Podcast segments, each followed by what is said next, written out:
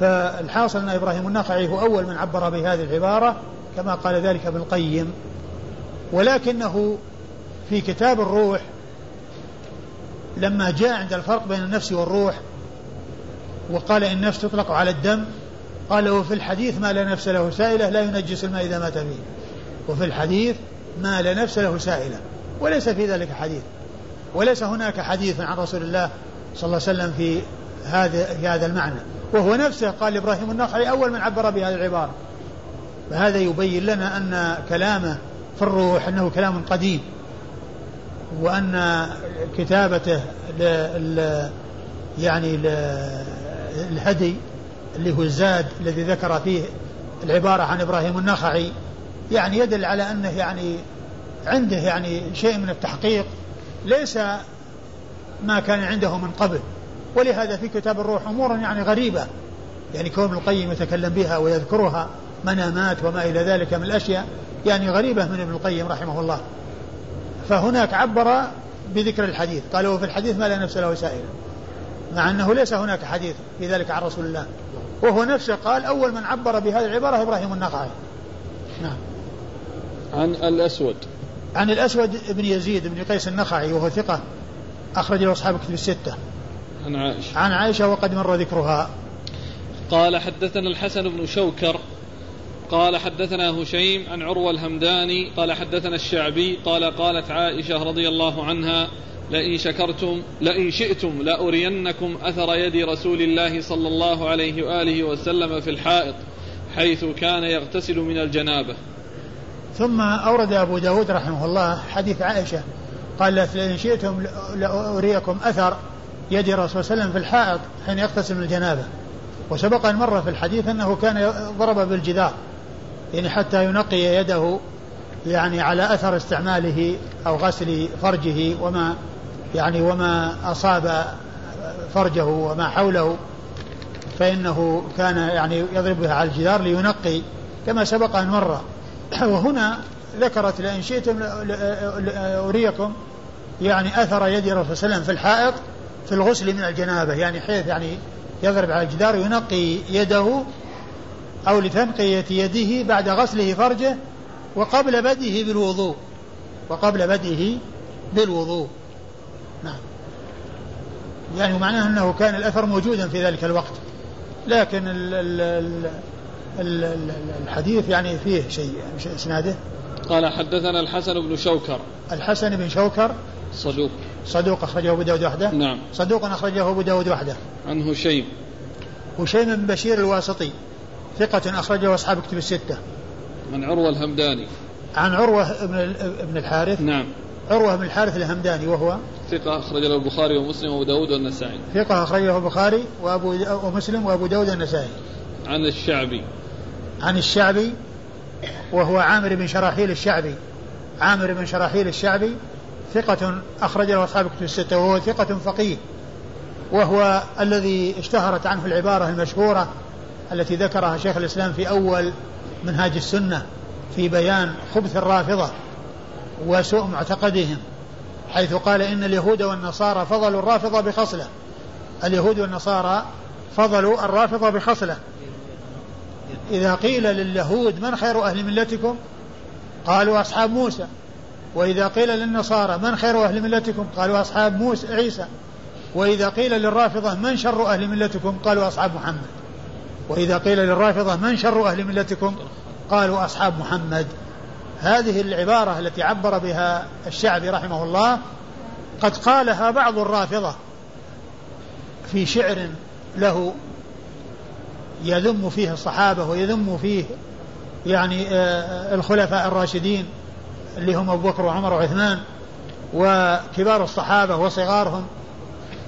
وكان من جملة ما قال عبارة تطابق العبارة التي قالها إبراهيم النخعي في بيت من الشعر. يقول أهم خير أمة أخرجت للناس؟ استفهام إنكار. أهم خير أمة أخرجت للناس؟ هيهات ذاك بل أشقاها. هيهات ذاك هيهات أن يكونوا خير أمة أخرجت للناس. بعيد. أن يكونوا خير أمة أخرجت للناس. بل أشقى أمة أخرجت للناس. بل أشقى أمة أخرجت للناس. يعني هذه في قصيدة طويلة. يعني تبلغ يعني 400 بيت أو 500 بيت.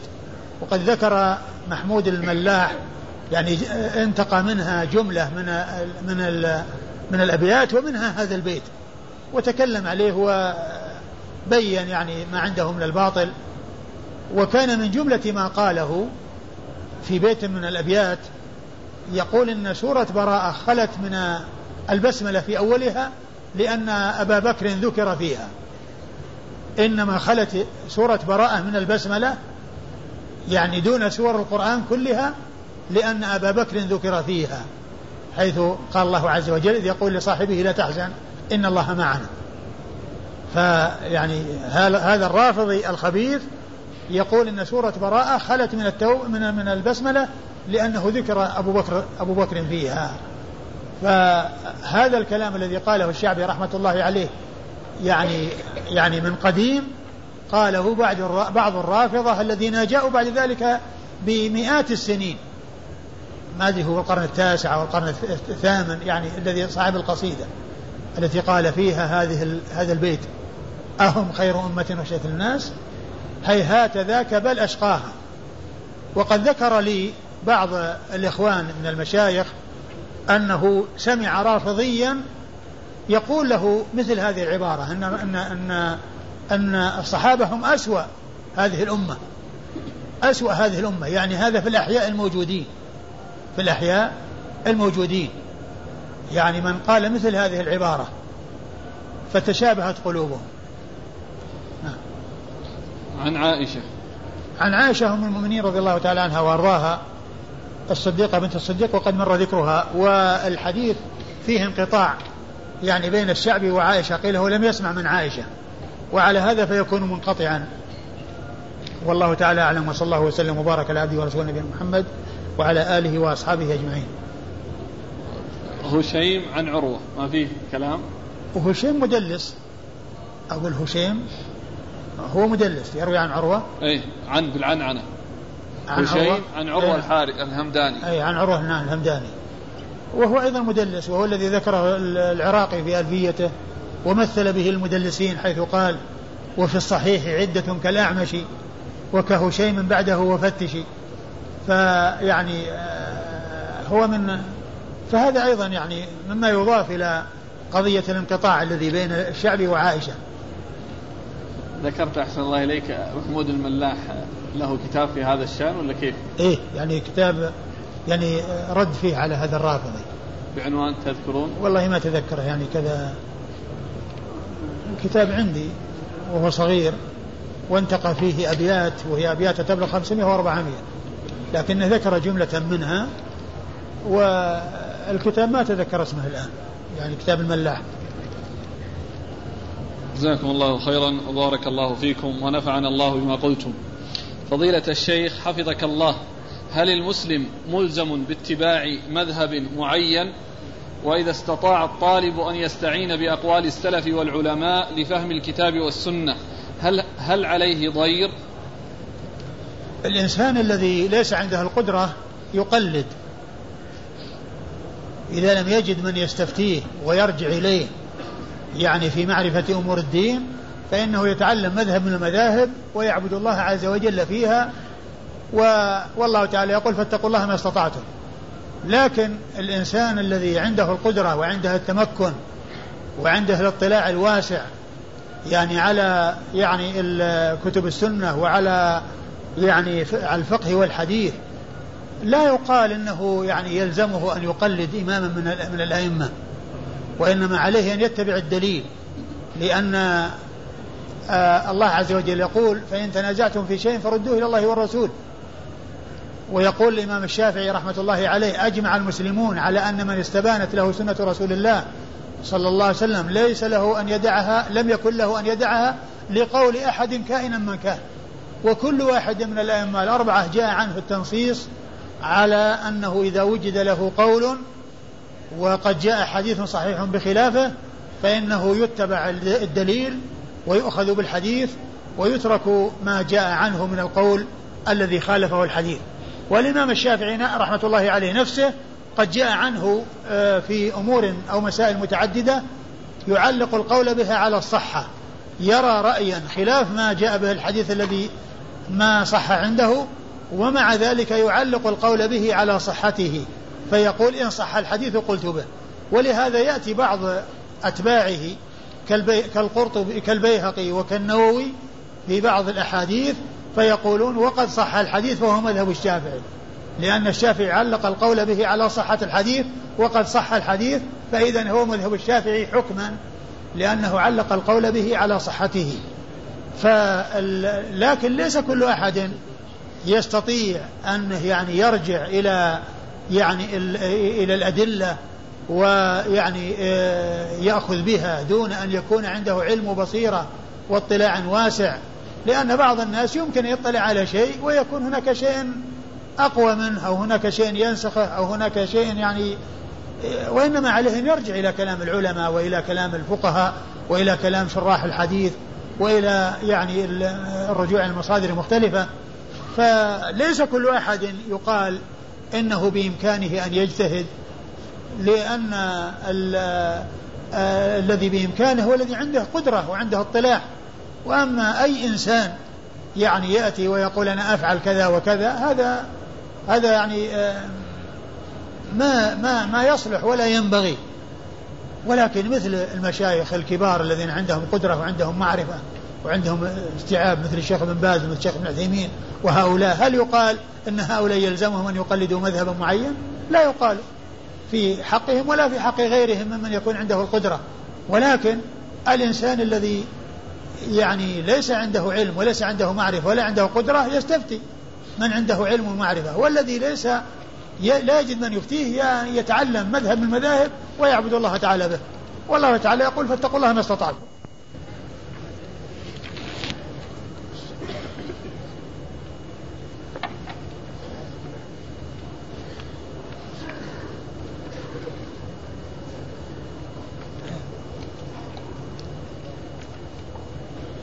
بسم الله الرحمن الرحيم. الحمد لله رب العالمين والصلاة والسلام على نبينا محمد وعلى آله وصحبه أجمعين. قال الإمام أبو داود السجستاني رحمه الله تعالى تحت ترجمة باب في الغسل من الجنابة.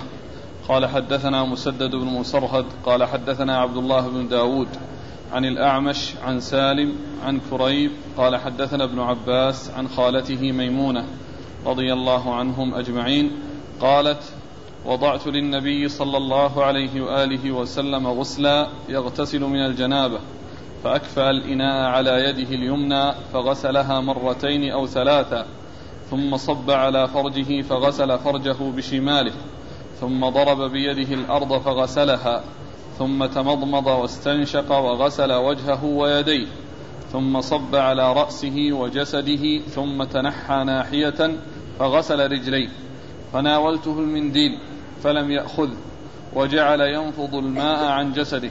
فذكرت ذلك لإبراهيم فقال كانوا لا يرون بالمنديل بأسا ولكن كانوا يكرهون العادة. قال أبو داود قال مسدد قلت لعبد الله بن داود يكرهونه للعادة. فقال هكذا هو ولكن وجدته في كتابي هكذا. بسم الله الرحمن الرحيم. الحمد لله رب العالمين وصلى الله وسلم وبارك على عبده ورسوله نبينا محمد وعلى آله وأصحابه أجمعين.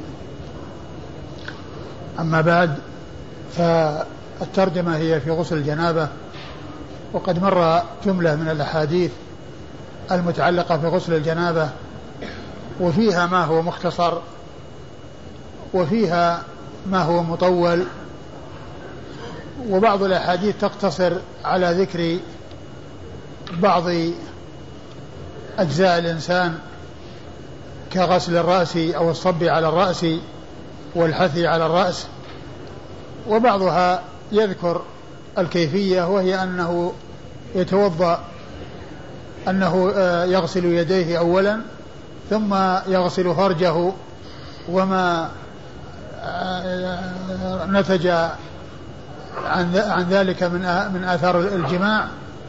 بحيث يغسل فرجه وما حوله وكل ما كان من آثار الجماع ثم ويضرب يده بالأرض أو بالجدار لينظفها ثم بعد ذلك يتوضأ وضوءه للصلاة. يتوضأ وضوءه للصلاة ثم بعد ذلك يصب على رأسه على شقه الأيمن ثم شقه الأيسر ويفيض الماء على سائر جسده بحيث يصل الماء إلى كل جزء من أجزاء الإنسان. لا سيما الأماكن التي قد ينبو عنها الماء وهي المغابن كالذي يكون يعني في الآباط ويكون أيضا في أصول الفخذين بحيث يتحقق الإنسان أنه وصل الماء إلى سائر جسده.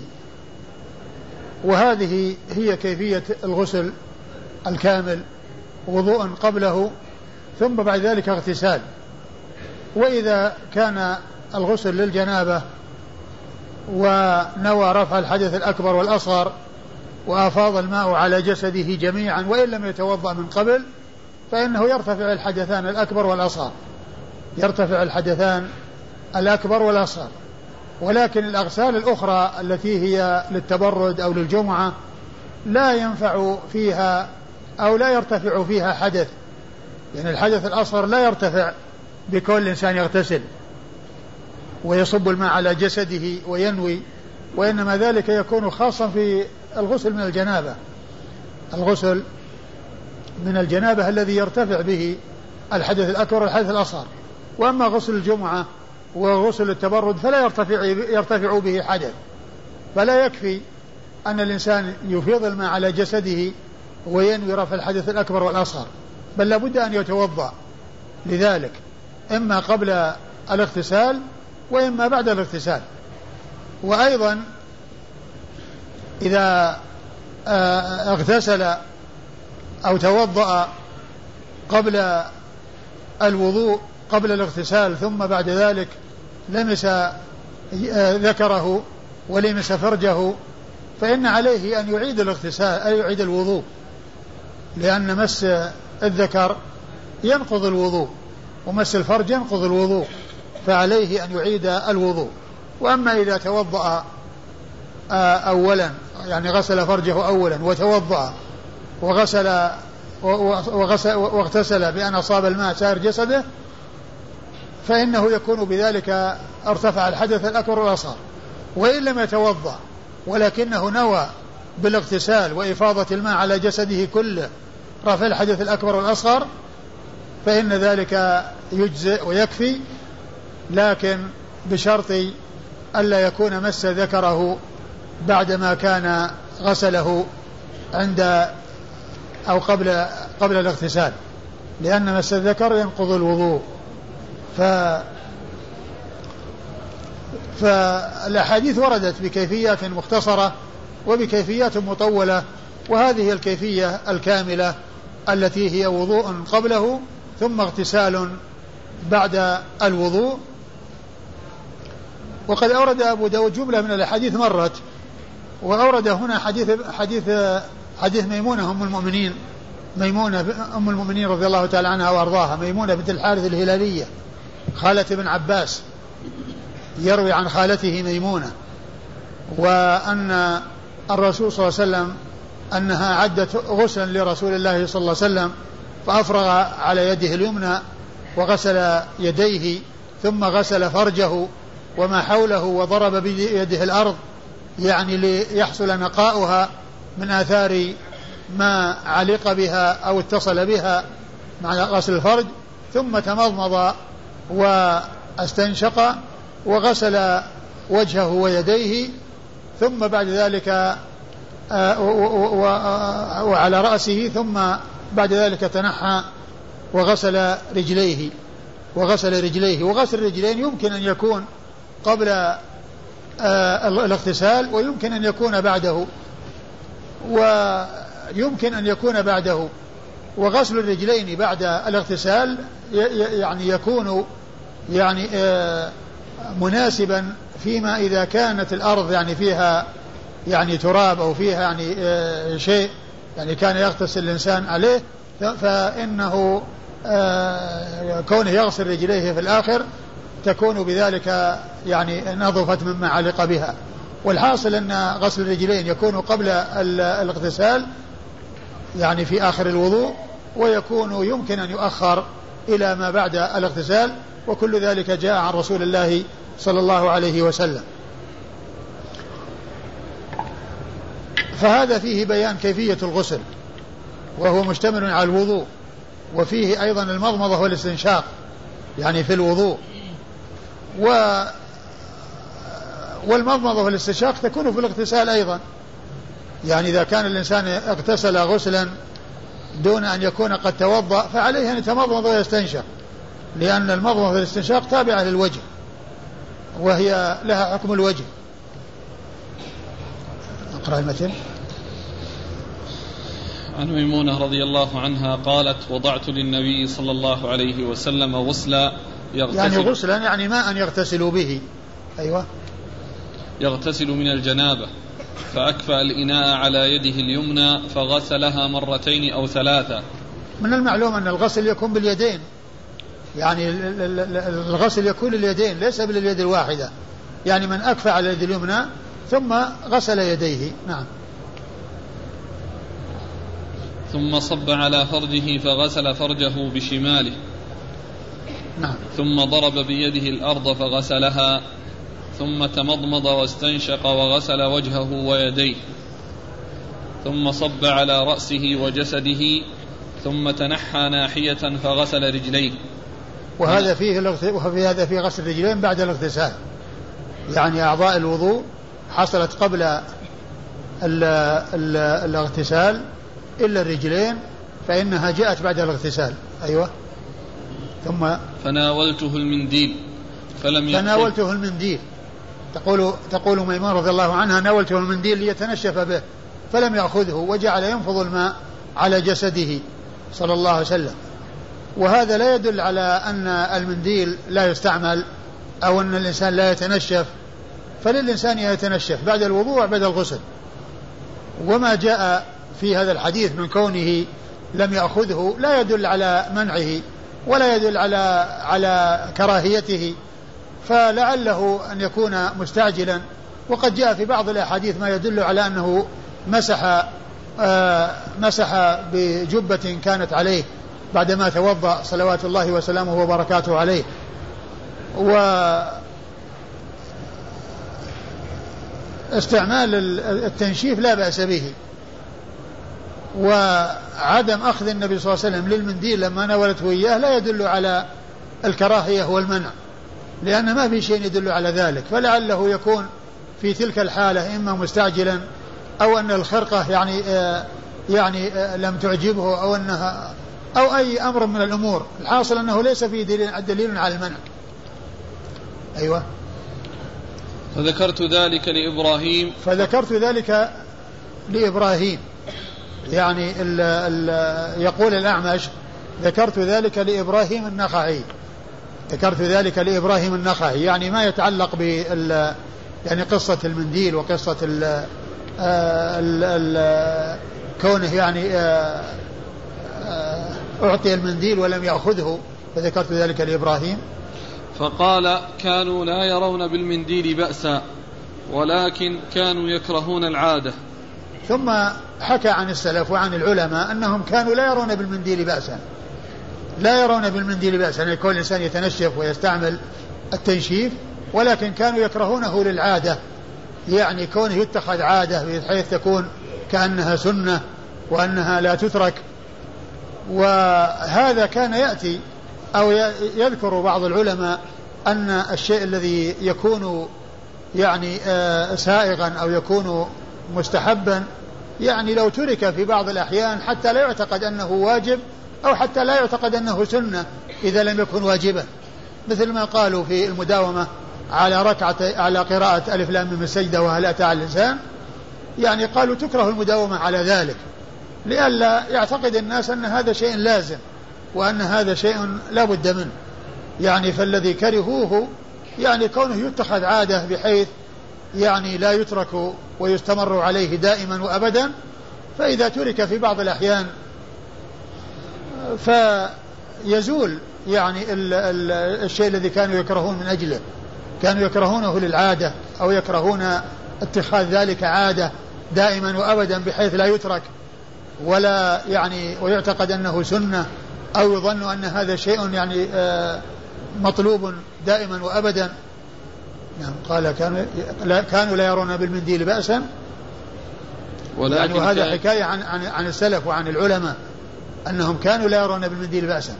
وهذا من جنس قول إبراهيم النخعي الذي حكاه الشيخ محمد بن عبد الوهاب رحمه الله في في كتاب التوحيد. كانوا كانوا يضربوننا على اليمين والعهد ونحن صغار. يعني آه، آه، يعظمون شأن اليمين والعهد وأنهم يعني لا آه، لا يستهينون بذلك ولا يستسهلون ذلك. يعني حكاية عما كانوا يؤدبون به أولادهم. كانوا يضربوننا على اليمين والعهد ونحن صغار. يعني يؤدبونهم لا يستهينوا بأمر اليمين والحلف وكذلك العهد. فقوله كانوا لا يرون بأسا يعني العلماء أو سلف هذه الأمة ولكن كانوا يكرهون العادة. وكذلك مثل مثله ما أشرت إليه الذي ذكره الشيخ محمد بن عبد الوهاب في كتاب التوحيد كانوا يضربوننا قال إبراهيم كانوا يضربوننا على اليمين والعهد ونحن صغار. نعم. قال أبو داود قال مسدد قلت لعبد الله بن داود يكرهونه للعادة فقال هكذا هو ولكني وجدته في كتابي هكذا. ثم قال أبو داود قال مسدد وهو شيخه. قلت لعبد الله بن داود وهو شيخ مسدد بالإسناد. عبد الله بن داود الخريبي. كانوا يكرهونه للعادة يعني هكذا يريد أن يستفهم يعني هذا الكلام. قال نعم هكذا هو. يعني يعني أنه هكذا يعني آه، حفظ وهكذا يعني وجده في كتابه. يعني موجود في كتابه وفي حفظه. نعم. قال حدثنا مسدد بن مسرهد. مسدد بن مسرهد ثقة أخرج حديثه البخاري وأبو داود والترمذي والنسائي. عن عبد الله بن داود. عن عبد الله بن داود الخريبي وهو ثقة أخرج له البخاري وأصحاب السنن. عن الأعمش. عن الأعمش وهو سليمان بن مهران الكاهلي وهو ثقة أخرج له أصحاب كتب الستة. عن سالم. عن سالم بن أبي الجعد وهو ثقة أخرج له. أصحاب الكتب. أخرج أخرج له أصحاب الكتب الستة. عن كريب. عن كريب مولى ابن عباس وهو ثقة. أخرج له أصحاب الكتب الستة. عن ابن عباس. عن ابن عباس عبد الله بن عباس بن عبد المطلب ابن عم النبي صلى الله عليه وسلم. واحد العباد الأربعة من الصحابة واحد السبعة المعروفين بكثرة الحديث عن النبي صلى الله عليه وسلم. عن ميمونة بنت الحارث الهلالية خالته لأن ابن عباس أمه لبابة بنت الحارث الهلالية أم الفضل. أكبر أولاد العباس الفضل وهو أبو الفضل وهي أم الفضل وهي لبابة بنت الحارث وميمونة بنت الحارث وهما أختان. فهو يروي عن خالته ميمونة أم المؤمنين رضي الله تعالى عنهم أجمعين وحديث ميمونة عند أصحاب الكتب الستة.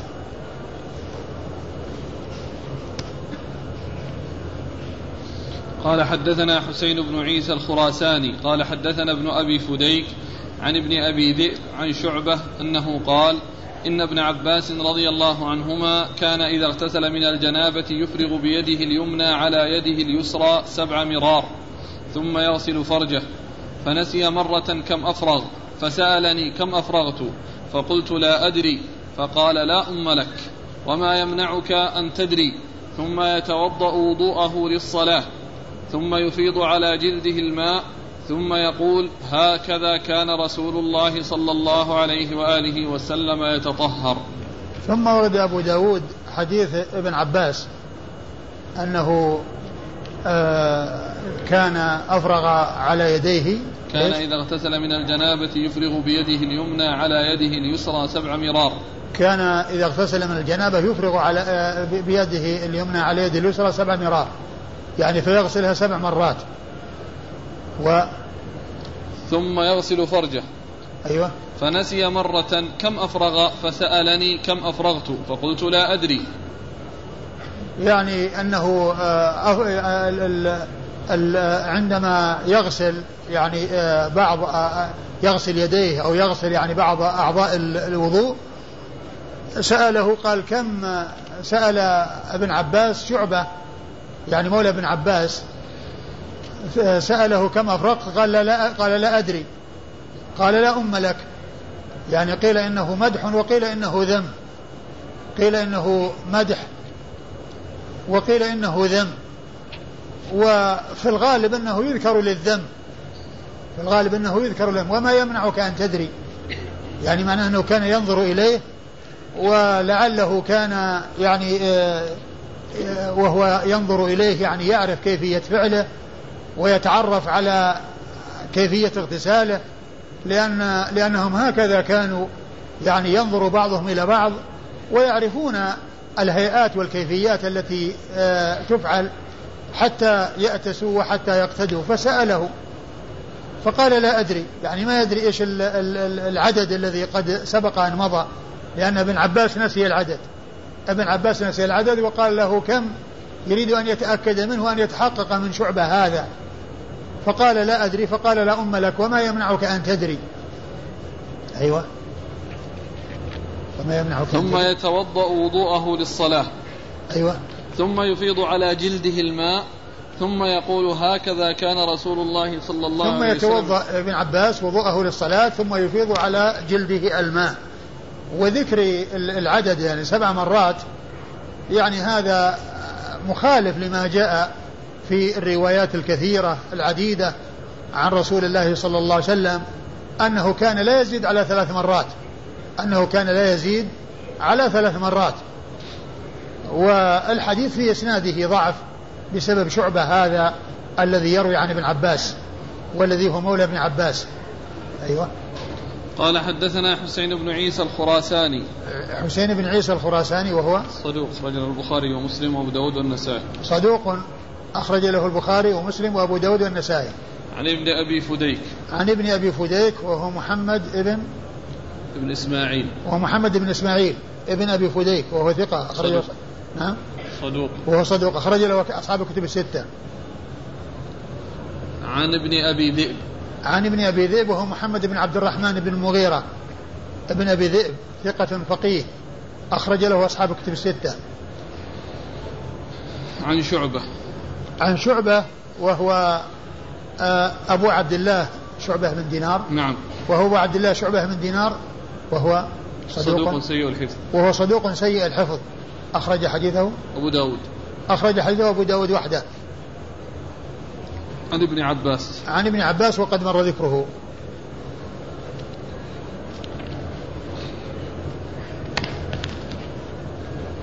لا يكون ضعيف أو منكر. نعم. حديث. هو الحديث يعني ضعيف. وهذا حديث مستقل.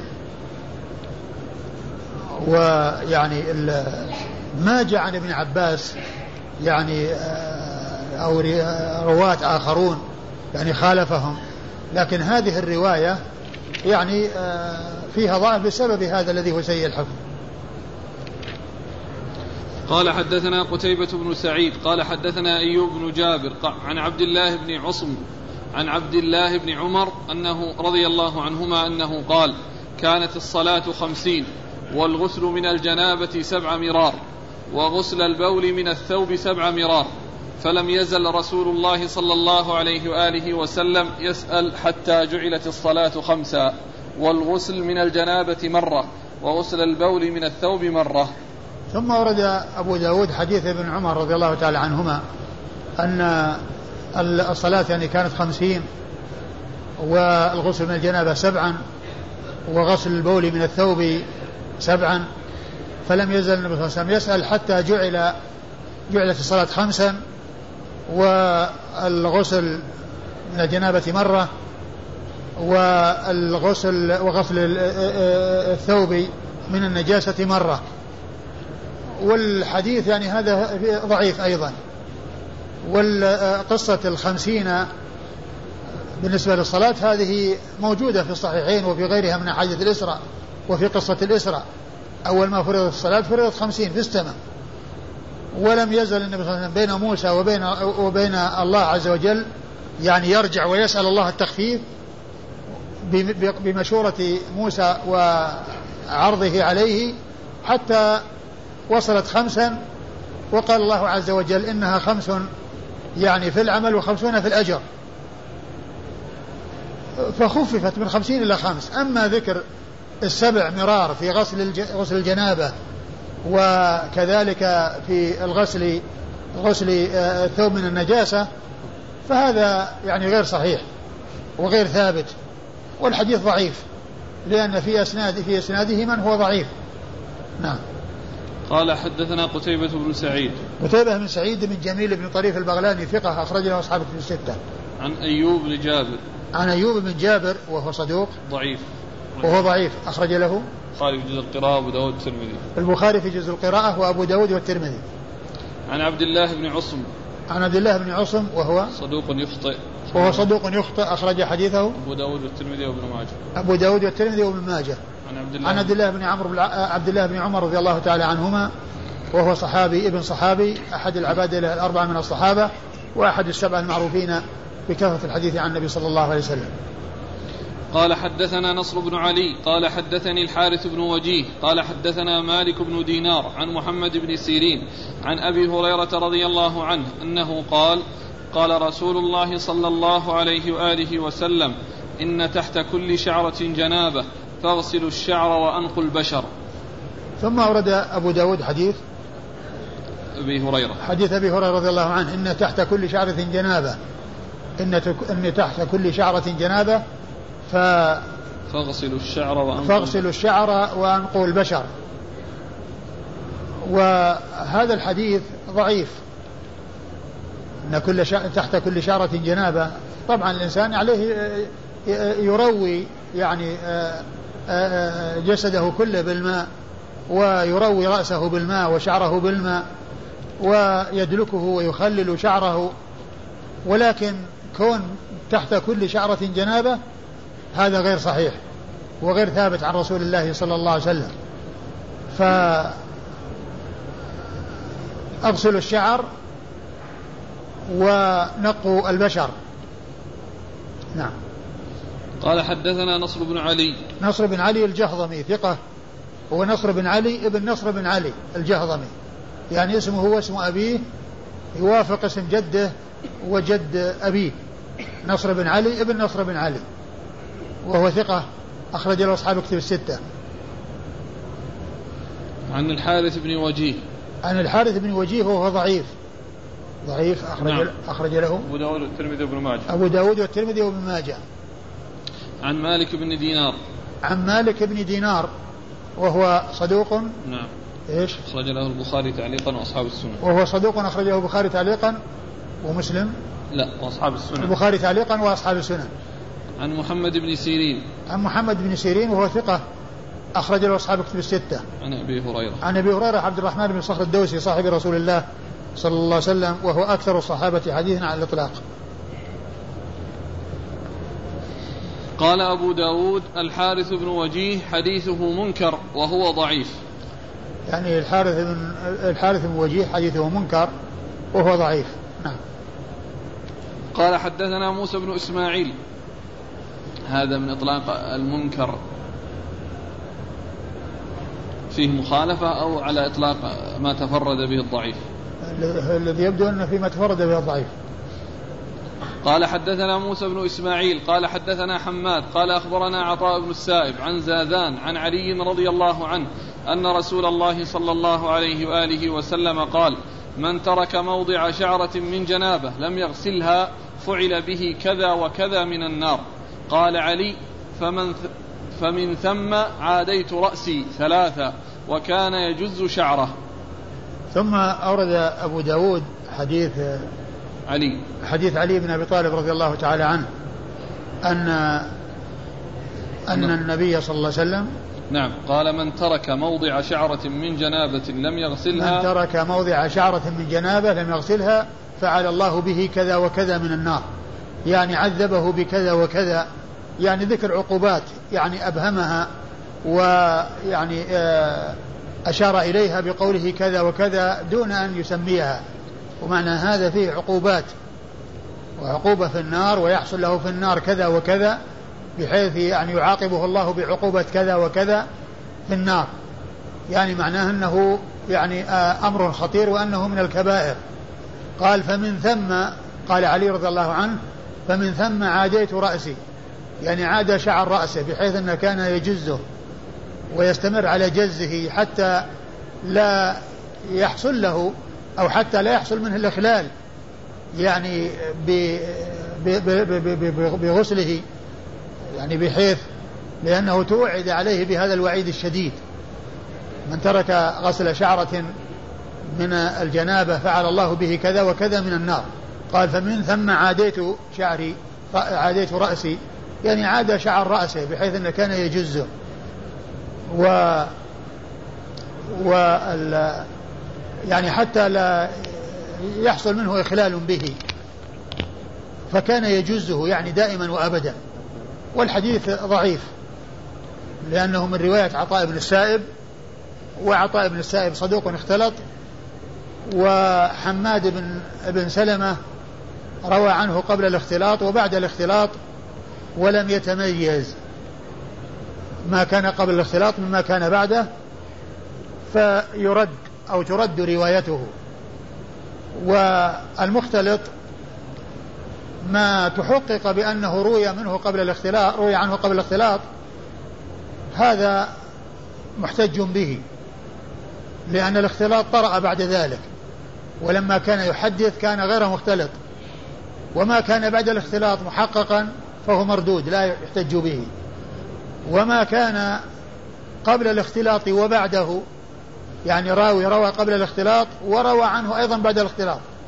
فإن كان متميزا عرف ما كان قبل الاختلاط فيعمل به وما كان بعد الاختلاط لا يعمل به.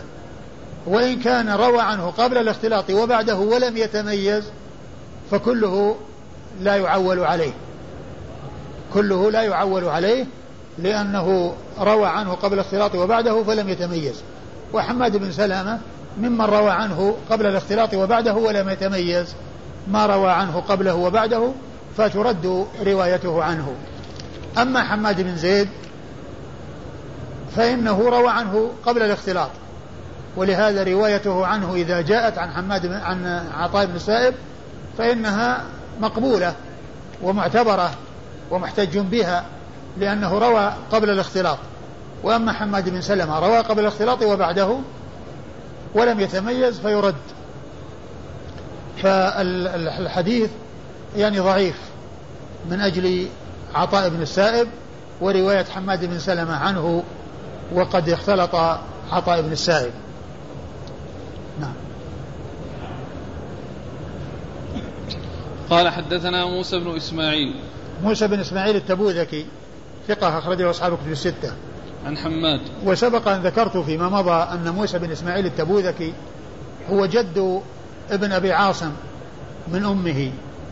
لأن ابن أبي عاصم يعني آه النبيل يعني آه هو آه أبو عاصم جده جده من قبل أبيه و أبو موسى بن إسماعيل جده من قبل أمه فله جدان يعني ثقتان من جهة أبيه ومن جهة أمه. آه، أبو عاصم النبيل ثقة أخرج له أصحاب الكتب الستة وهو من شيوخ البخاري وزهير بن حرب أيضا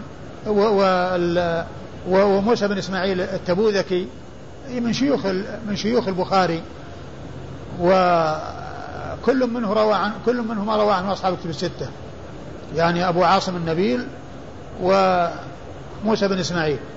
فموسى بن إسماعيل هذا جد ابن أبي عاصم صاحب صاحب السنة صاحب كتاب السنة وغيرها من الكتب. هذا جده من قبل أمه وذاك جده من قبل أبيه. لأن ابن أبي عاصم أبو عاصم هو جده ليس ليس هو أبوه. نعم. عن حماد. عن حماد بن سلمة وعرفنا أنه إذا جاء حماد غير منسوب ويروي عنه موسى بن إسماعيل فهو ابن سلمة فهو ابن سلمة وهو ثقة أخرجه البخاري تعليقا ومسلم وأصحاب السنن. عن عطاء بن السائب. عن عطاء بن السائب وهو صدوق اختلط أخرج حديثه البخاري تعليقا ومسلم وأصحاب السنن. ومسلم روى عنه مقرونا ليس مستقلا. نعم.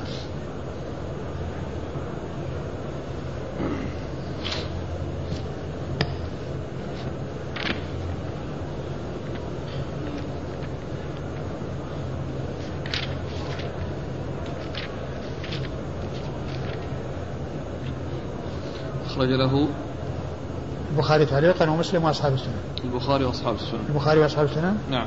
أخرج له البخاري وأصحاب السنن إذا مسلم ما روى عنه.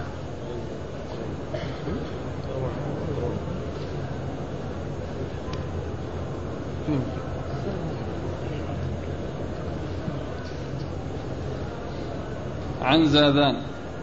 عن زاذان وهو عن زاذان الكندي وهو صدوق يرسل أخرج له البخاري في الأدب المفرد ومسلم وأصحاب السنة. وهو زاذان الكندي ثقة يرسل ثقة ولا صدوق؟ صدوق يرسل. صدوق يرسل أخرج حديثه البخاري في الأدب المفرد ومسلم وأصحاب السنة. عن علي. عن علي بن أبي طالب رضي الله عنه أمير المؤمنين ورابع الخلفاء الراشدين الهادين المهديين أبو السبطين صاحب المناقب الجمة والفضائل الكثيرة رضي الله عنه وأرضاه. وحديثه عند أصحاب الكتب الستة. قال رحمه الله تعالى باب في الوضوء بعد الغسل.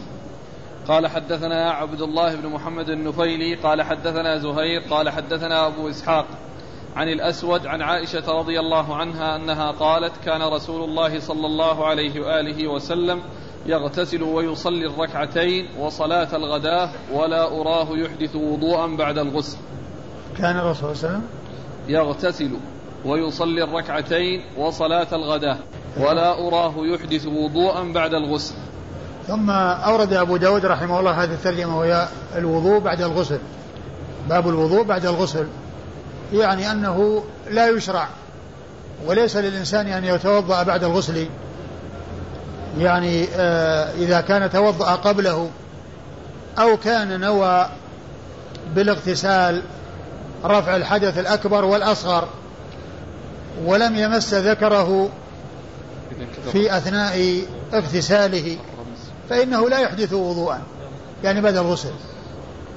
أما إذا كان اغتسل ولم ينوي رفع الحدث الأصغر وإنما رفع نوى رفع الحدث الأكبر فقط ولم ينوي رفع الحدث الأصغر أو أنه نواه أو أنه اغتسل أولا.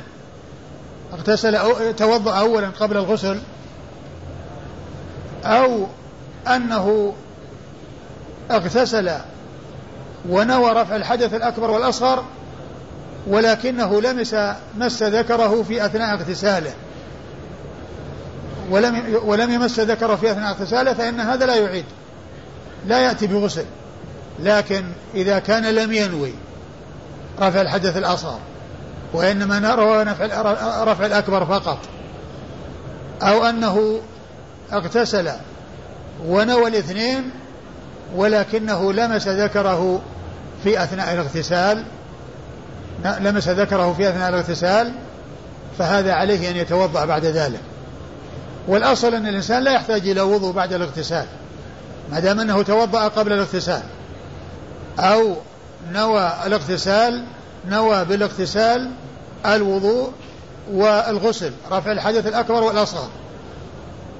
أنه لا يعيد الاغتسال لكن إذا لم ينوي الحدث الأصغر لم ينوي رفع الحدث الأصغر عند اغتساله أو نواه ولكنه لمس ذكره وهو يغتسل يعني بعدما غسل فرجه قبل أن يبدأ ويفض الماء على جسده بعد ذلك لمسه فإنه عليه أن يتوضأ.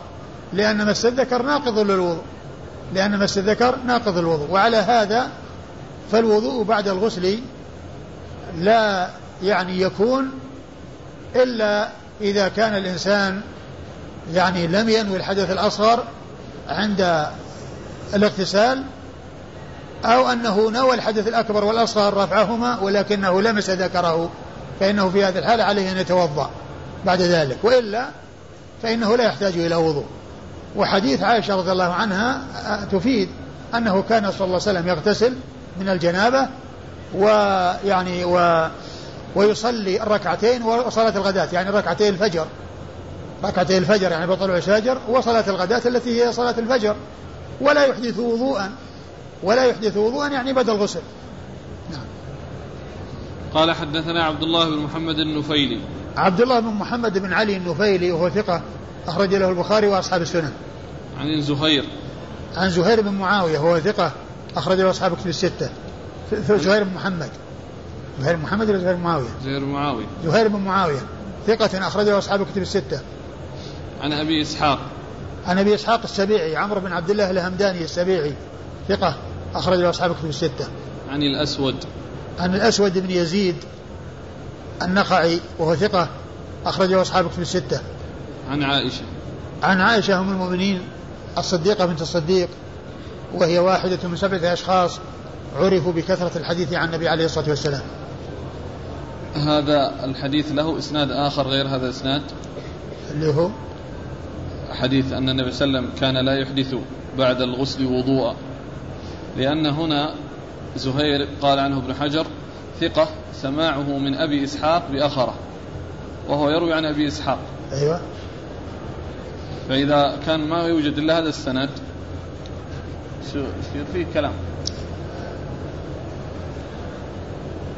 والله الحديث يعني آه، صحح الألباني وغيره لكن ما أدري يعني يمكن يكون له شيء. قال رحمه الله تعالى باب في المرأة هل تنقض شعرها عند الغسل؟ قال ما فيه, ما فيه في التعليق من خرجه تعليق خرجه الترمذي والنسائي وابن ماجه. نعم طيب. قال باب في المرأة هل تنقض شعرها عند الغسل؟ قال حدثنا زهير بن حرب وابن السرح. قال حدثنا سفيان بن عيينة عن أيوب بن موسى عن سعيد بن أبي سعيد عن عبد الله بن رافع مولى أم سلمة عن أم سلمة رضي الله عنها أن امرأة من المسلمين. وقال زينب وقال زهير وقال زهير أنها قالت يا رسول الله إني امرأة أشد ظفر رأسي أفأنقضه للجنابة؟ قال إنما يكفيك أن تحفي عليه ثلاثا. وقال زهير تحثي عليه ثلاثا ثلاث حثيات من ماء ثم تفيضي على سائر جسدك فإذا أنت قد طهرت. ثم ورد أبو داود رحمه الله هذه الترجمة وهي باب هل في المرأة هل تنقض شعر رأس باب في المرأة هل تنقض شعرها شعر رأسها من الجنابة؟ هل تنقضه إذا كان مشدودا ومظفورا؟ هل تنقضه وتغتسل؟ يعني وهو منشور غير مشدود ولا مظهور أو أن أو أن لها لها أن تغتسل وهو على حاله دون أن دون أن يفك ودون أن ينشر؟ بل يبقى على ظفره وشده. هذه هي الترجمة. والجواب أن المرأة لا لا يلزمها أن تنقض شعرها عند الاغتسال. لا يلزمها. إن إن, إن نشرته أو فكته لا بأس بذلك. ولكن كون ذلك واجب عليها واجب كون ذلك واجبا عليها ولازم لازما لها لا يلزمها. لا يلزمها ذلك بل يكفيها أن تصب على رأسها الماء وأن تفرغ على رأسها ولا يلزمها أن أن أن تفكه وأن تنشره. وقد أورد أبو داود رحمه الله حديث آه، أم سلمة رضي الله عنها أنها سألت رسول الله صلى الله عليه وسلم وقال أن أن أنها كانت آه، تغتسل. إني امرأة أشد ظفر رأسي أفأنقضه للجنابة؟ إني امرأة أشد ظفر رأسي أفأنقضه من الجنابة؟ تستأذن وتستفتي رسول الله صلى الله عليه وسلم هل تنقضه؟ يعني هل يلزمها نقضه؟ قال إنما يكفيك إنما يكفيك أن تحثي. تحفي عليه ثلاثا وقال زهير تحفي. إنما تحفي يعني وقال زهير تحفي. يعني هذا قال تحفي وهذا قال تحفي. نعم. عليه ثلاث حثيات من ماء. عليه ثلاث حثيات من ماء. يعني تصب عليه ثلاث يعني حثيات من ماء أيوة. آه ثم تفيضي على سائر جسدك. ثم ثم تفيضي على سائر جسدك. يعني بعدما تغسلين رأسك ثلاث مرات وتصبي عليه ثلاث إفراغات تحثي تفيضين الماء. على سائر جسدك إيش؟ ثم تفيضي على سائر جسد جسدك فإذا أنت قد طهرت. ثم تفيضي على سائر جسدك فإذا أنت قد طهرت. يعني إذا فعلت هذا بأن حثيت على رأسك ثلاث حثيات وافضت الماء على سائر الجسد فأنت بذلك تكونين قد طهرت. والحاصل أن النبي صلى الله عليه وسلم أفتاها بأنها لا يلزمها نقض شعر رأسها وإنما يكفيها أن تحثو عليه أو تحثي عليه ثلاث حثيات وتفيض الماء على سائر جسدها وبذلك تكون قد طهرت من الجنابة. قال إنما يكفيك آه لا أول, أول. طيب. عن أم سلمة أن امرأة من المسلمين وقال زهير أنها قالت. يعني عبارة عبارة ابن السرح. ابن السرح نعم. ابن السرح قال إن امرأة من المسلمين. يعني سألت يعني معناها أنها كنت عن نفسها. كنت عن نفسها بقولها امرأة من المسلمين. وفي الثاني رواية زهير أنها قالت. يعني أنها قالت يعني أن أم سلمة قالت. يعني الأول فيه إبهام السائل. وهكذا يعني كانوا يفعلون. يعني الإبهام. يعني يكن الإنسان عن نفسه برأى الرجل يقول سأل أن رجلا سأل رسول الله صلى الله عليه وسلم وهو نفسه المحدث هو السائل أو الصحابي هو السائل. والمرأة كذلك يعني أحيانا تقول أن امرأة من المسلمين أو أن امرأة قالت كذا وكذا وتكون هي نفسها السائلة. أيوة. قال إنما يكفيك أن تحفني عليه ثلاثة. أن تحفني؟ إيه؟ أن تحفني يعني حفنات يعني. أو تحثي حثيات أيوة. وقال زهير تحثي. تحثي عليه تحثي حثيات. هذا قال تحفني. تحفني في الأول؟ نعم نعم. نعم تحفني من الحفنات. وهذا تحثي من الحثيات يعني الفرق بين هذا عبر بتحثي تحفني وهذا تحثي. نعم. أيوه. قال حدثنا زهير بن حرب وابن السرح. زهير بن حرب هو أبو خيثمة. أبو خيثمة زهير بن حرب. وهو ثقة أخرج له أصحاب الكتب الستة إلا الترمذي. وقد أكثر عنه الإمام مسلم روى عنه في صحيحه أكثر من ألف حديث. روى عن أبي خيثمة زهير بن حرب أكثر من ألف حديث. وأكثر منه أبو بكر بن أبي شيبة. يعني روى عنه مسلم أكثر من ألف, ألف وخمسمائة حديث. ألف وخمسمائة حديث. فهو مكثر عن أبي بكر ابن أبي شيبة ومكثر عن أبي خيثمة زهير بن حرب هذا. محمد بن رافع كذلك؟ محمد بن رافع مكثر عنه ولكنه يعني أقل أقل من هؤلاء بكثير. وابن السرح؟ وابن السرح هو آه، أحمد بن عمرو بن السرح وهو ثقة أخرج حديثه مسلم وأبو داود والنسائي بن ماجه. عن سفيان بن عيينة. سفيان بن عيينة المكي ثقة أخرج له أصحاب كتب الستة. عن أيوب بن موسى. عن أيوب بن موسى وهو ثقة. نعم. أخرج له. أصحاب الكتب. وهو ثقة أخرجه أصحاب كتب الستة. عن سعيد بن أبي سعيد. عن سعيد بن أبي سعيد وهو المقبري. وهو ثقة أخرجه أصحاب كتب الستة.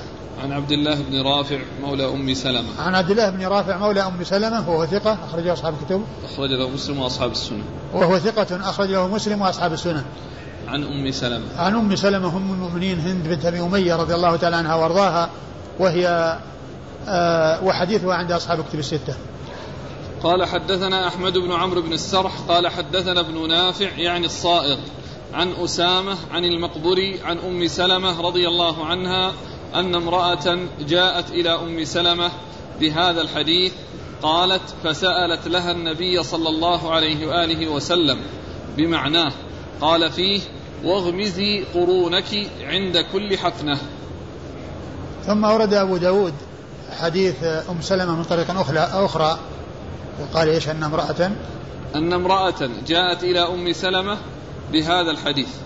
أن امرأة جاءت إلى أم سلمة بهذا الحديث. يعني أن امرأة طلبت من أم سلمة أن تسأل لها. و و و وهذا يعني يمكن أن يكون يحمل أن أم سلمة يعني قالت الرسول أن امرأة من المسلمين تسأل عن كذا وكذا وعند ذلك تعني هذه المرأة.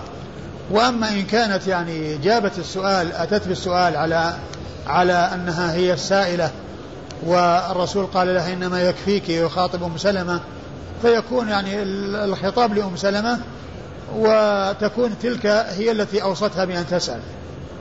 أيوه.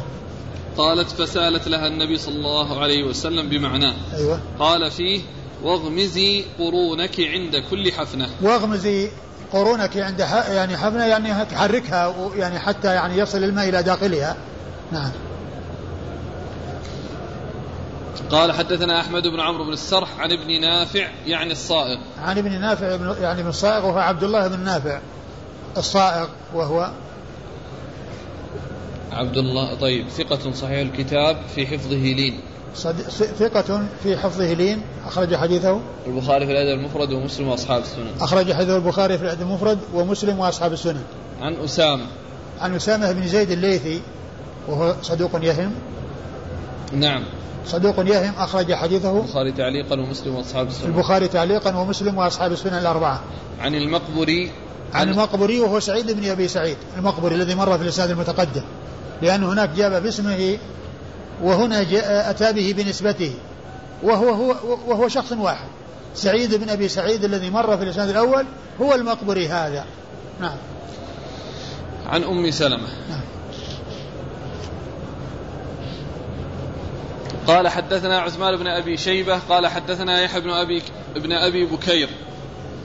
قال حدثنا إبراهيم بن نافع عن الحسن بن مسلم عن صفية بنت شيبة عن عائشة رضي الله عنهما أنها قالت كانت كانت إحدانا إذا أصابتها جنابة أخذت ثلاث حفنات هكذا تعني بكفيها جميعا فتصب على رأسها وأخذت بيد واحدة فصبتها على هذا الشق والأخرى على الشق الآخر. انتهى؟ نعم. ثم ورد أبو داود حديث عائشة رضي الله عنها عن عائشة عن عائشة رضي الله تعالى عنها أنها قالت كانت إحدانا عندما تغتسل من الجنابة تأخذ, تأخذ أخذت ثلاث حفنات هكذا. أيوة. تعني بكفيها جميعا فتصب على رأسها. أخذت يعني على بكفيها ثلاث حفنات فتصبها على رأسها. أيوة. وأخذت بيد واحدة فصبتها على هذا الشق والأخرى على الشق الآخر. وأخذت بيد واحدة وصبت يعني بي بي بي باليمنى على الشق الأيمن واليسرى على الشق الأيسر. أيوة. والمقصود أن أنها أنهن يكتفين بذلك. المقصود يعني بإرادة المرأة هل تنقض شعرها ولا تنقض يعني أنها لا تنقضه ويكتفين بذلك الفعل الذي يفعلنه. أيوة. قال حدثنا عثمان بن أبي شيبة. عثمان بن أبي شيبة ثقة أخرج له أصحاب كتب الستة إلى الترمذي. عن يحيى بن أبي بكير. يحيى بن أبي بكير ثقة أخرج له أصحاب كتب الستة. عن إبراهيم بن نافع. عن إبراهيم بن نافع وهو ثقة أخرج له أصحاب الكتب. وهو ثقة أخرج له أصحاب الكتب الستة. عن الحسن بن مسلم. عن الحسن بن مسلم بن يناق وهو ثقة أخرج له أصحاب الكتب إلا الترمذي أصحاب الكتب الستة إلا الترمذي. عن صفية بنت شيبة. عن صفية بنت شيبة الحجبية العبدرية وهي لها رؤية وحديثها أخرجه أصحاب الكتب الستة. عن عائشة. عن عائشة أم المؤمنين رضي الله عنها وقد مر ذكرها. قال حدثنا نصر بن علي قال حدثنا عبد الله بن داود عن عمر بن سويد عن عائشة بن طلحة عن عائشة رضي الله عنها أنها قالت عائشة بن طلحة. ها؟ عن عائشة بن طلحة عن عائشة. نعم. أيوه. عن عن عائشة بنت طلحة عن عائشة رضي الله عنها أنها قالت كنا نغتسل وعلينا الضماد ونحن مع رسول الله صلى الله عليه وآله وسلم محلات ومحرمات. ثم ورد أبو داود حديث عائشة رضي الله عنها كنا نغتسل وعلينا الضماد والمقصود به يعني الشيء الذي لبد على الرأس. يعني عند يعني عند تلبد المرأة رأسها بشيء يعني يمسكه. فيغتسلن وعليهن الضماد وهن محرمات ومحلات ومحرمات. يعني عند عند وهن في حال إحلالهن وعند إحرامهن. عندما يغتسلن يعني عليهن الضماد يعني فلا يعني ينزعن أو لا يزلن ذلك التلبيد الذي حصل وإنما يفرغن على رؤوسهن. فدل هذا أو دلت هذه الأحاديث كلها على أن المرأة لا تنقض شعر رأسها عند إرادة الاغتسال. أيوة. قال حدثنا نصر بن علي عن عبد الله بن داود عن عمر بن سويد مر ذكر نصر بن علي وعبد الله بن داود ونصر بن و و و و وعمر بن سويد. ثقة أخرج له أصحاب الكتب. أخرج له أبو داود. ثقة أخرجه أبو داود وحده. عن عائشة بنت طلحة. عن عائشة بن طلحة بن عبيد الله التيمية. أبوها أحد العشرة المبشرين بالجنة رضي الله تعالى عنه وأرضاه. وهي ثقة أخرج لها أصحاب الكتب الستة. عن عائشة. عن عائشة أم المؤمنين وقد مر ذكرها. قال حدثنا محمد بن عوف قال قرأت في أصل إسماعيل بن عياش. قال ابن عوف وحدثنا محمد بن إسماعيل عن أبيه. قال حدثني ضمضم بن زرعة عن شرح عن شريح بن عبيد. قال أفتاني جبير بن نفير عن الغسل من الجنابة أن ثوبان رضي الله عنه حدثهم أنهم استفتوا النبي صلى الله عليه وآله وسلم عن ذلك فقال أما الرجل فينشر رأسه فليغسله حتى يبلغ حتى يبلغ أصول الشعر. وأما المرأة فلا عليها ألا تنقضه لتغرف على رأسها ثلاث غرفات بكفيها. ثم أورد أبو داود حديث ثوبان رضي الله عنه. وفيه التفريق بين الرجل والمرأة وأن الرجل يعني آه الأصل في رأسه أن يكون غير مظهور وأن يكون يعني منشور. فإن عليه أن يغسله وأن آه، آه، يوصل الماء إلى أصوله. وأما المرأة التي آه، مظهور شعرها يكفيها أن تحثو عليه ثلاث حذيات وليس عليها أن تنقضه كما دل عليه هذا الحديث وغيره من الأحاديث المتقدمة. وهذا فيه بيان أن الرجل يعني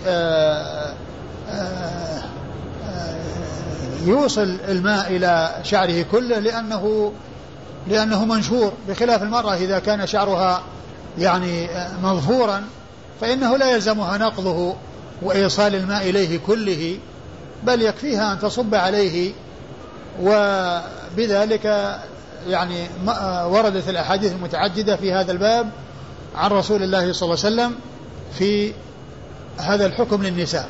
وقد سبق أن مر أن الرسول صلى الله عليه وسلم كان يخلل يعني لحيته ويخلل رأسه وكان يعني يدخل أصابعه حتى يصل إلى البشرة. فهذا كله يتفق مع هذا الحديث الذي فيه أن الرجل يعني آه، آه، يغسل شعره لأنه منشور وغير مظهور والمرأة يكفيها أن تصب على على شعرها وعلى رأسها ثلاث حثيات أو ثلاث غرفات وبذلك تكون أدت ما عليها من الغسل. أيوة. قال حدثنا محمد بن عوف. محمد بن, بن عوف ثقة أخرج له. أبو داود والنسائي في مسند علي. أخرجه أبو داود والنسائي في مسند علي. قال, قال قرأت في أصل إسماعيل بن عياش. قرأت في أصل إسماعيل بن عياش.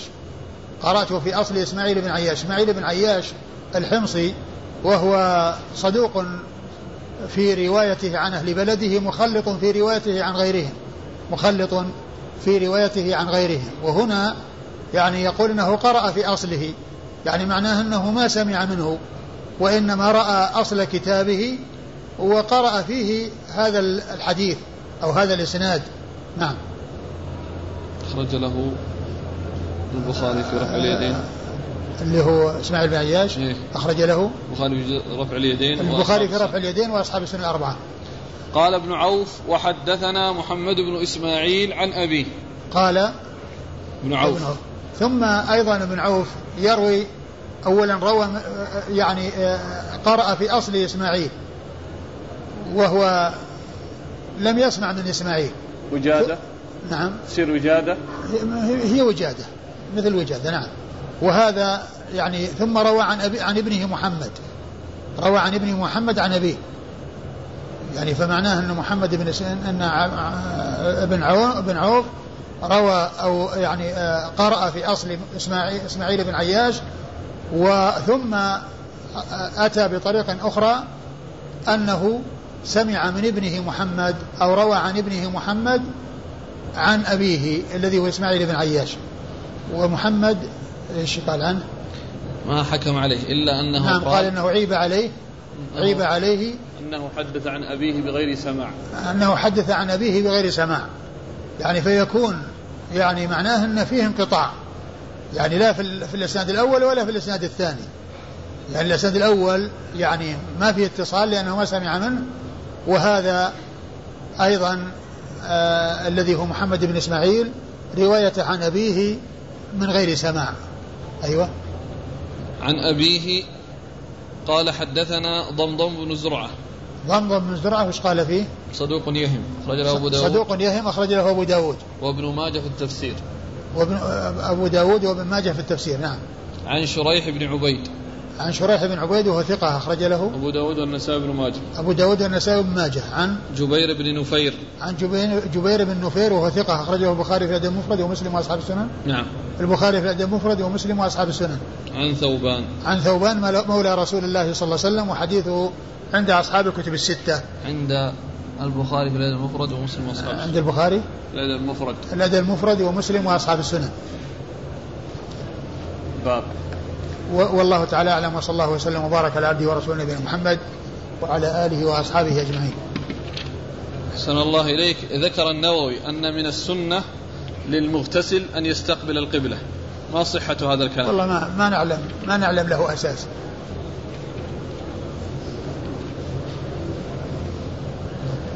جزاكم الله خيرا وبارك الله فيكم ونفعنا الله بما قلتم. استشكل بعض الإخوان فجاءت أسئلة كثيرة. عما ذكرتم أن الإنسان إذا اغتسل غسل جمعة أو تبرد لا يكفي هذا في رفع الحدث ولو نواه. نعم ولو نواه لأنه ما رفع حدث ب ما رفع حدثا لأن ال... ال... الوضوء يعني أعضاءه معروفة يعني ولا بد من من الاتيان بها على سبيل الترتيب. لكن لما جاء الحدث الأكبر ونوي معه يرتفع الأصغر مع الأكبر وأما غسل الجمعة ما في رفع حدث. ما في رفع حدث. والوضوء لا بد فيه من من الترتيب. والإنسان يعني بالنسبة للوضوء يرتب أعضاء الوضوء يغسل وجهه ثم يديه المرفقين ثم يمسح رأسه ثم يغسل رجليه.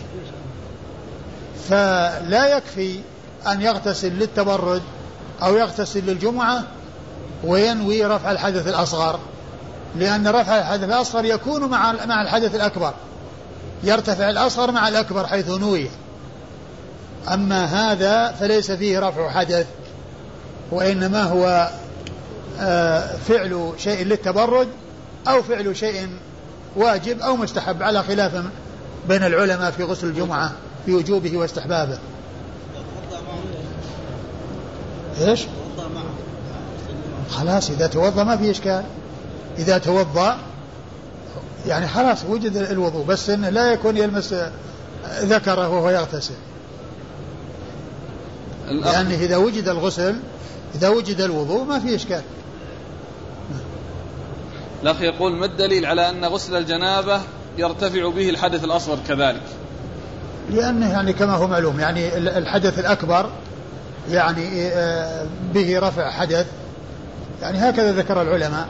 الحدث الأكبر يعني آه، يرتفع مع الأصغر إذا نواه لأن كل منهما عبادة. وفعل آه، الحدث الأكبر يعني دونه الحدث الأصغر فإذا نوى الاثنين ولم يمس ذكره في حال اغتساله فإنه يكون ارتفع حدثه الأكبر والأصغر. وش هو؟ قالت انه كان يغتسل ويصلي ركعتين بس ما في ما في ذكر التفصيل. ما في ذكر تفصيل الوضوء ما الوضوء يعني. هذا السؤال متكرر عدة أيام. هل المرأة تمذي تمذي نعم. لا شك. تمذي مثل ما يمذي الرجل. ما يسيل ما يسيل منها يعني عند عند عند تذكر الرجل أو تذكر الجماع. هو مثل ما يحصل للرجل. يعني مما يسيل منه عند عند تذكر الجماع. والله تعالى أعلم وصلى الله وسلم وبارك على عبده ورسوله نبينا محمد وعلى آله وأصحابه أجمعين.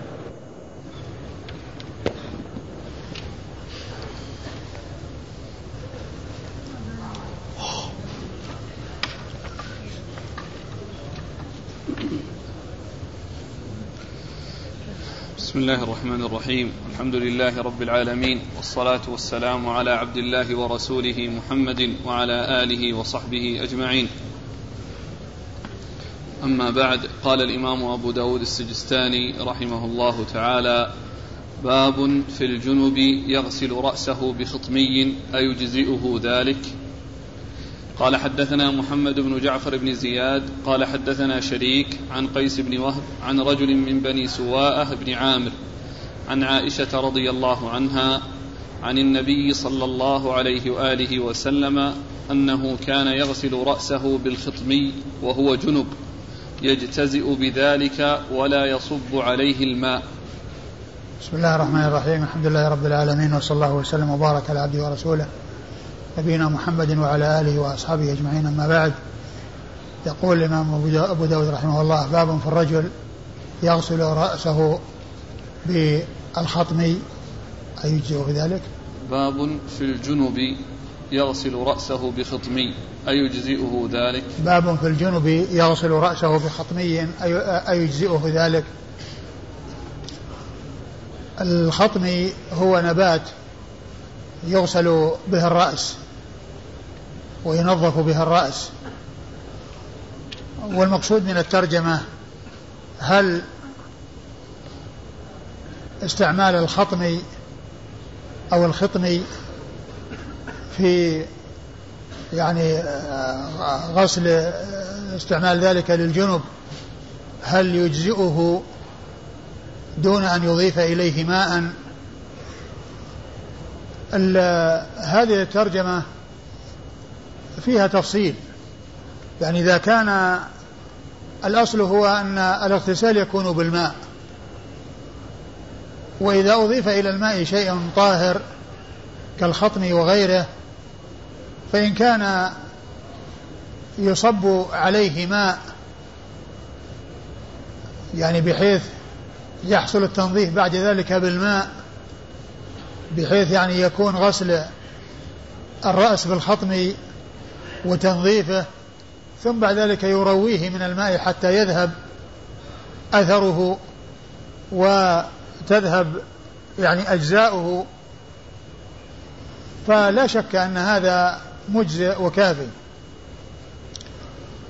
وإذا كان اغتسل أولا اغتسل أولا بالماء حصل ارتفاع الجنابة من الإنسان فإذا أضاف إلى ذلك أن غسله بخطم يعني بعد فراغه وبعد إنهائه الاغتسال فأيضا قد حصل الاغتسال قبل أن يأتي الخطم.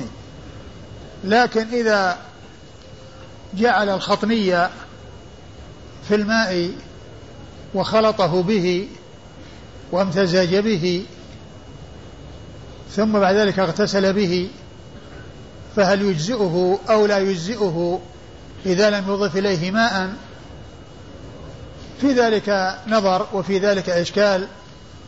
والأحوط للإنسان أن يأتي بالماء أو الذي على الإنسان أن يطمئن وأن يبرئ ذمته بأن يأتي بالماء بعد ذلك حتى يجري على سائر الجسد وحتى يزيل آثار ذلك الذي تنظف به من خطمي أو غيره. وأورد أبو داود حديثا لم يثبت عن رسول الله صلى الله عليه وسلم وهو أن النبي صلى الله عليه وسلم كان يغتسل يغسل رأسه يعني وهو جنب بالخطم يجتزئ بذلك أن يكتفي بذلك دون أن يضيف إليه ماء دون أن يضيف أو أن يصب عليه ماء يعني بعد ذلك. الحديث غير ثابت عن رسول الله صلى الله عليه وسلم لأن فيه رجل مجهول يعني غير معروف. نعم. والإسناد؟ قال حدثنا محمد بن جعفر بن زياد. محمد بن جعفر بن زياد ثقة أخرجه مسلم وأبو داود والنسائي. والنسائي. عن شريك. عن شريك بن عبد الله النخعي الكوفي القاضي وهو ثقة يخطئ كثيرا وحديث أخرجه البخاري تعليقا ومسلم وأصحاب السنن. شريك. شريك النخعي. وهو بالنخعي؟ بلى. درجته؟ صدوق يخطئ كثيرا. أو كثير الخطأ. لا لأنه سبق اللسان فقلت ثقة. لا لا. لا صدوق ليس بثقة. هو صدوق يخطئ كثيرا. نعم. عن قيس بن وهب. عن قيس بن وهب وهو ثقة. أخرج حديثه مسلم وأبو داود بن ماجه. عن رجل من بني سواءة بن عامر. عن رجل من بني سواءة بن عامر وهو مجهول. أخرج حديثه أبو داود, أبو داود وحده. عن عائشة. عن عائشة أم المؤمنين رضي الله عنها وأرضاها الصديقة بنت الصديق. واحدة من سبعة أشخاص عرفوا بكثرة الحديث عن النبي صلى الله عليه وسلم. قال رحمه الله تعالى باب فيما يفيض فيما يفيض فيما؟ يفيض. فيما يفيض بين الرجل والمرأة من الماء. قال حدثنا محمد بن رافع قال حدثنا يحيى بن آدم قال حدثنا شريك عن قيس بن وهب عن رجل من بني سواء من بني سواءة بن عامر عن عائشة رضي الله عنها فيما يفيض بين الرجل والمرأة من الماء قالت كان رسول الله صلى الله عليه وآله وسلم يأخذ كفا من ماء يصب علي الماء ثم يأخذ كفا من ماء ثم يصبه عليه.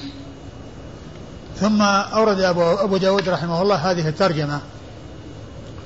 باب باب فيما يفيض بين الرجل والمرأة من الماء. قيل المقصود بهذه الترجمة يعني ما يسيل بين الرجل والمرأة بسبب التقائهما من الماء الذي هو المني أو المذي. الذي يكون نتيجة لاجتماعهما والتقائهما فيحصل مذي ومني فيصيب الثوب كيف يغسل وكيف يتطهر أو كيف يطهر. آه الحكم في هذا أن المذي إذا أصاب الثوب يكفي أن يرشى بالماء. كما سبق أن مر بنا في الحديث أخذ كفا من ماء فرشه به.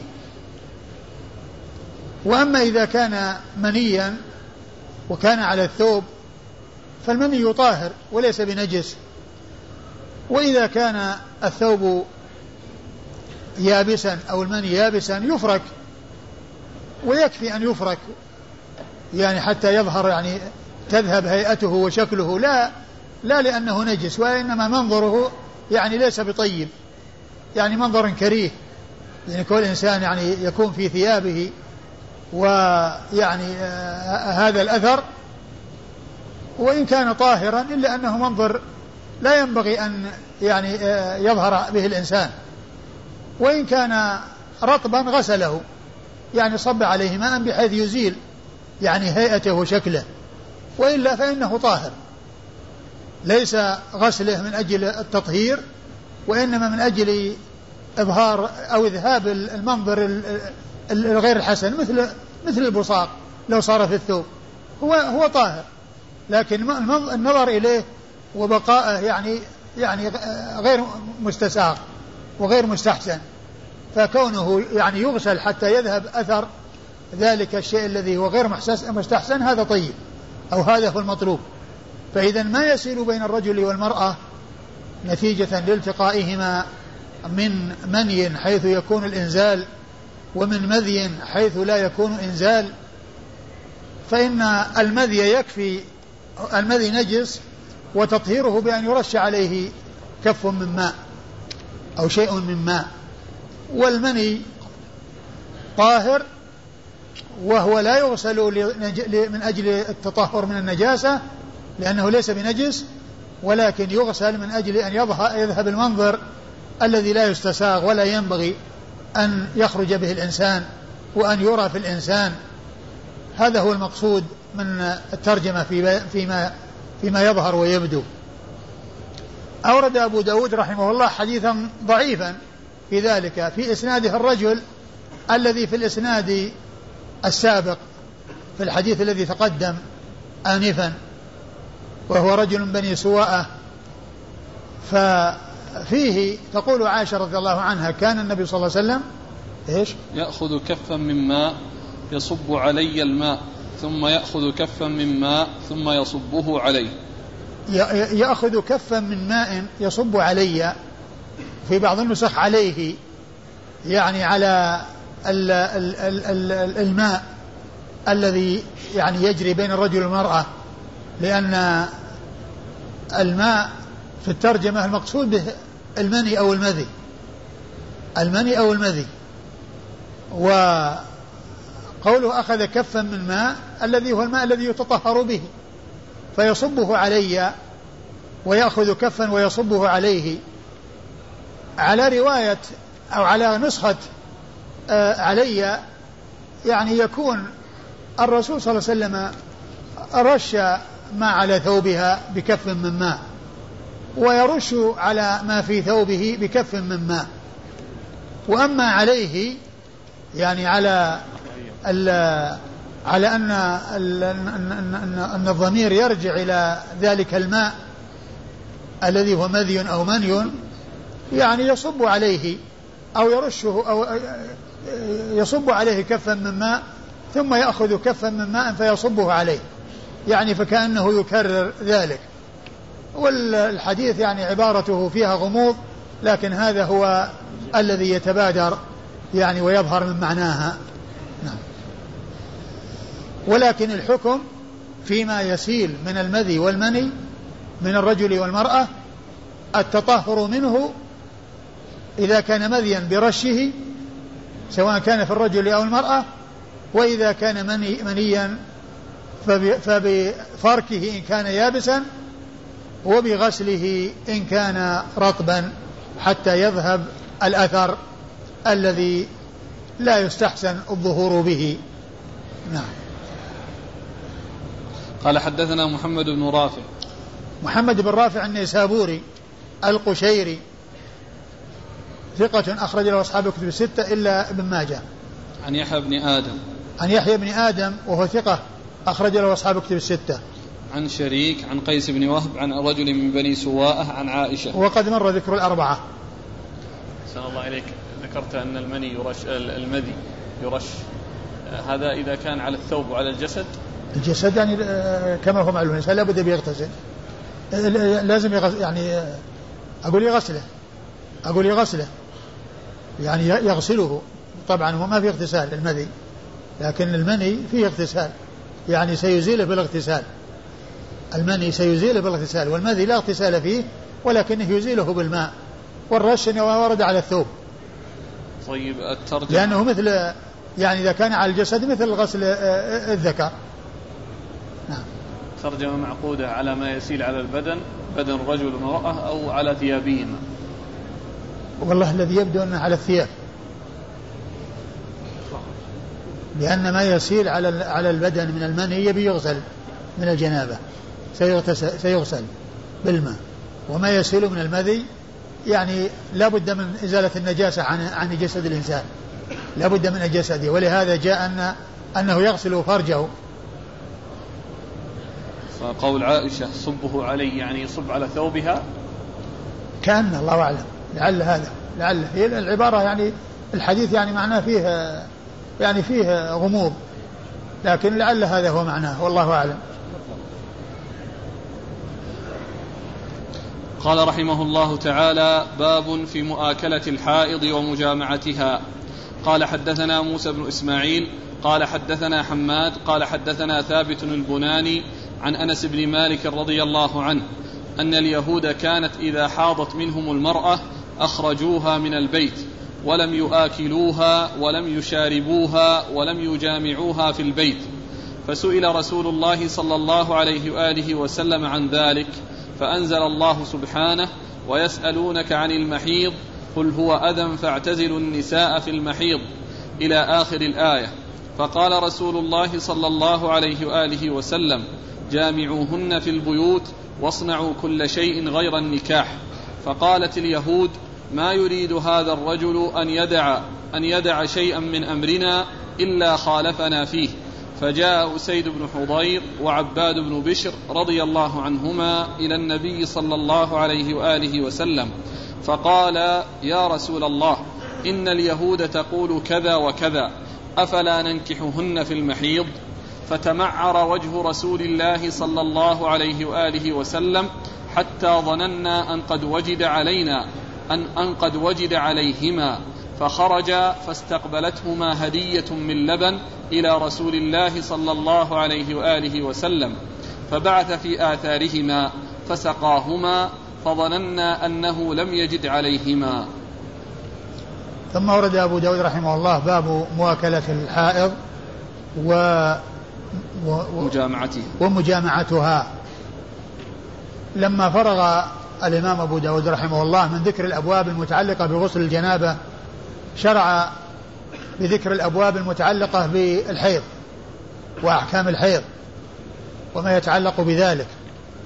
وسبق أن ذكرت عند البدء بأبواب غسل الجنابة بأن أبا داود رحمه الله تعالى جعل ما يتعلق بالطهارة بابا كتابا واحدا فقال في أوله كتاب الطهارة وأتى بكل ما يتعلق بالطهارة تحت كتاب واحد.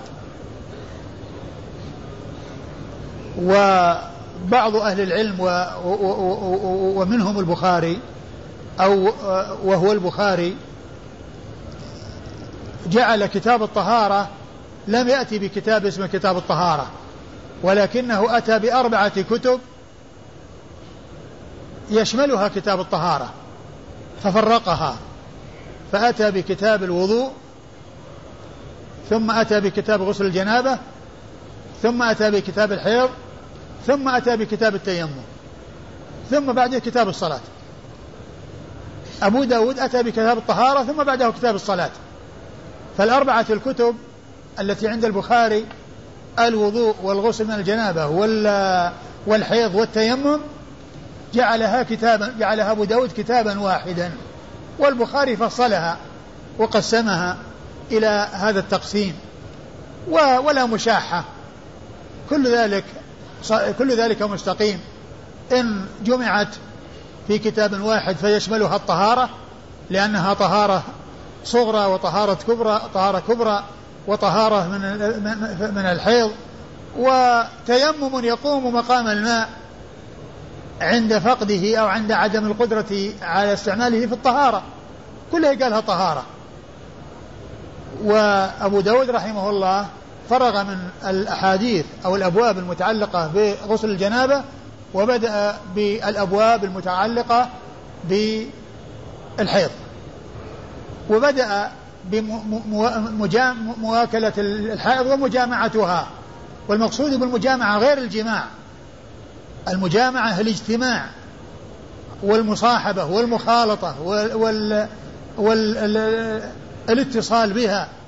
يعني مؤاكلتها ومشاربتها ومجالستها ومضاجعتها كل شيء إلا النكاح يعني هذا قال له مجامعة ويقا و و وليس المقصود بالمجامعة الجماع.